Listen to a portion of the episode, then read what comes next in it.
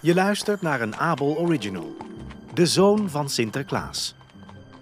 Abonneer je in je favoriete podcast-app, laat een review achter en mis geen enkel luisterverhaal van Abel. Aflevering 2. Job de Stuntelsint. Op een druilerige woensdagmiddag, waarop de wolken zich samenpakten als donkere plukken watten, zat Job met een pruillip voor het raam. Hij staarde naar buiten alsof hij de geheime code van de regendruppels probeerde te ontcijferen. Zijn zucht klonk als een verre donder. Op de achtergrond klonk de tv. Zijn vader, meneer Klaassen, was beneden bezig met het in elkaar zetten van speelgoed voor het aanstaande Sinterklaasfeest. Job mompelde tegen zichzelf. Het gaat toch nooit wat worden. Zijn treurige blik viel op zijn verkleedkist, waar zijn mini-Sinterklaaspak lag te verstoffen. Terwijl hij daar zat, begon hij te fantaseren over andere beroepen. Misschien kan ik wel brandweerman worden. Dan ben ik in de buurt van papa bij de huizen.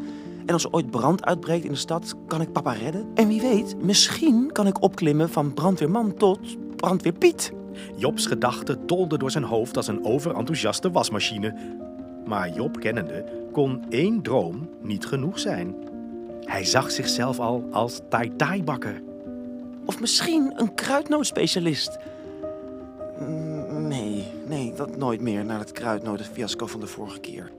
Hij werd al rood als hij eraan dacht. Al die lieve, onschuldige kleuters, ik had ze bijna vergiftigd. Ondertussen tikte een tak door de wind tegen zijn raam. Jobs gezicht klaarde een beetje op bij de gedachte van brandweerpiet. Maar toen realiseerde hij zich iets. Ik had gewoon veel beter moeten oefenen toen ik nog jong was. Hoe ik met mijn staf moest lopen of hoe ik zo soepel over de daken kon lopen, zoals pap. Schaatsen leek het soms. Met links en rechts schrijde hij dan over die daken. Uren kon Job kijken hoe zijn papa als een schaatser over de daken gleed. Met een souplesse, een charme, dat had alleen hij.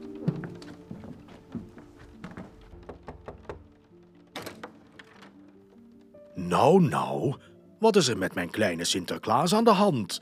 Kom eens naar beneden, dan praten we er even over. Job haastte zich naar beneden, met zijn sombere gedachten nog steeds als donkere wolkjes boven zijn hoofd.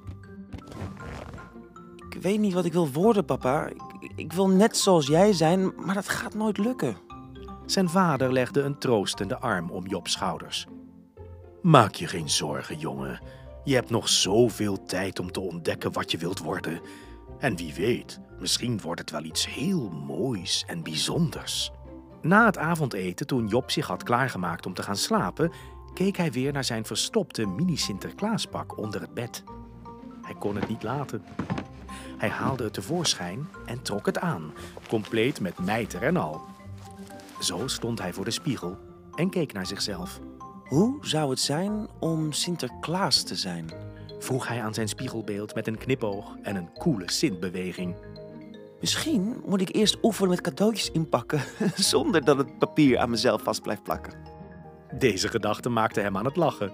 Of ik kan oefenen met pepernoten gooien, zonder dat mijn mijter eraf vliegt. Dat lijkt me pas een uitdaging. Terwijl hij zijn gedachten de vrije loop liet, bedacht Job de meest onwaarschijnlijke manier om Sinterklaas te worden. Ga je anders morgen mee naar het winkelcentrum, lieverd? Ah, toe, je zult het leuk vinden. Licht tegenstribbelend stemde Job toe. Hij moest gewoon vaker oefenen.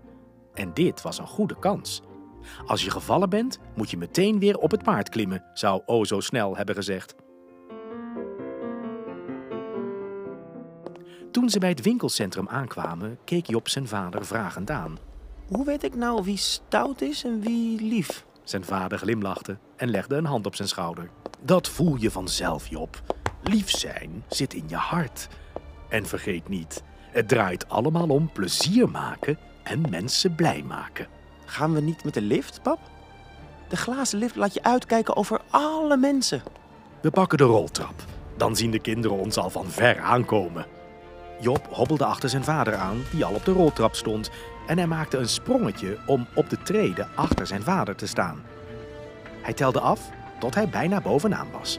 Zeven, zes, vijf. Als een vierljepper wilde Job zich afzetten met zijn staf om met een sprong boven te komen. Maar dat liep anders. Pap, help! De staf van Job bleef in de roltrap zitten.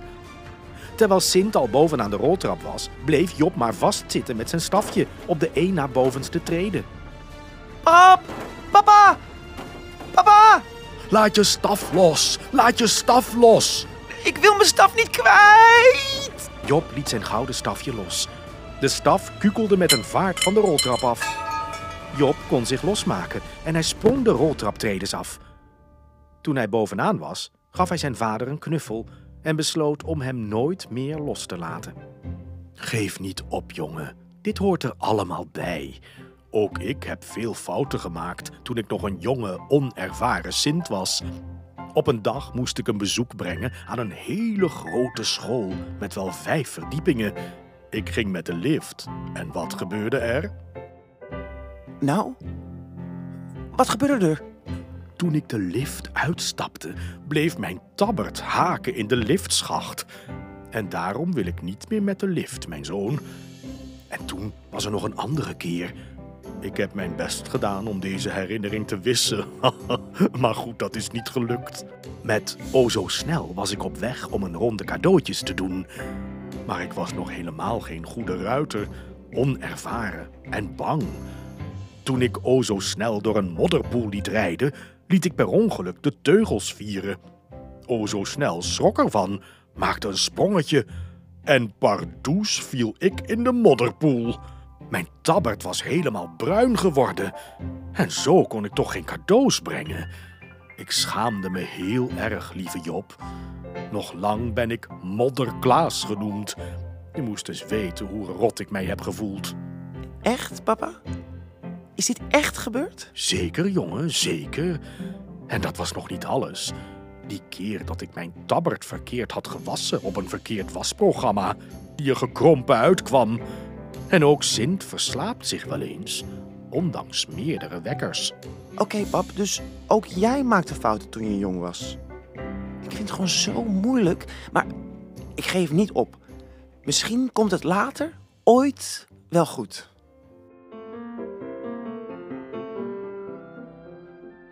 De volgende avond ging Job weer mee met zijn vader.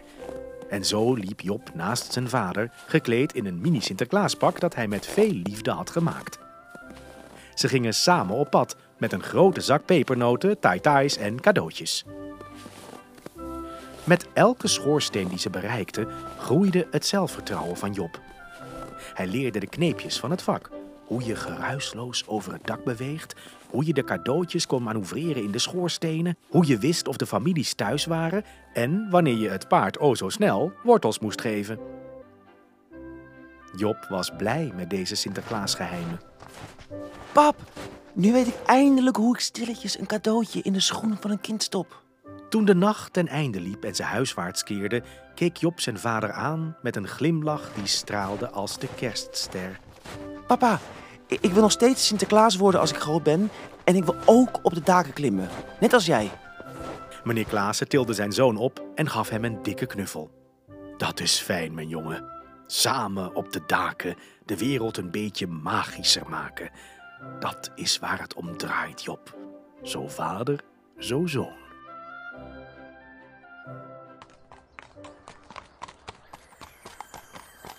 Je luisterde naar een Abel Original, de zoon van Sinterklaas. Abonneer je in je favoriete podcast-app, laat een review achter en mis geen enkel luisterverhaal van Abel. Tijd voor audio, tijd voor Abel.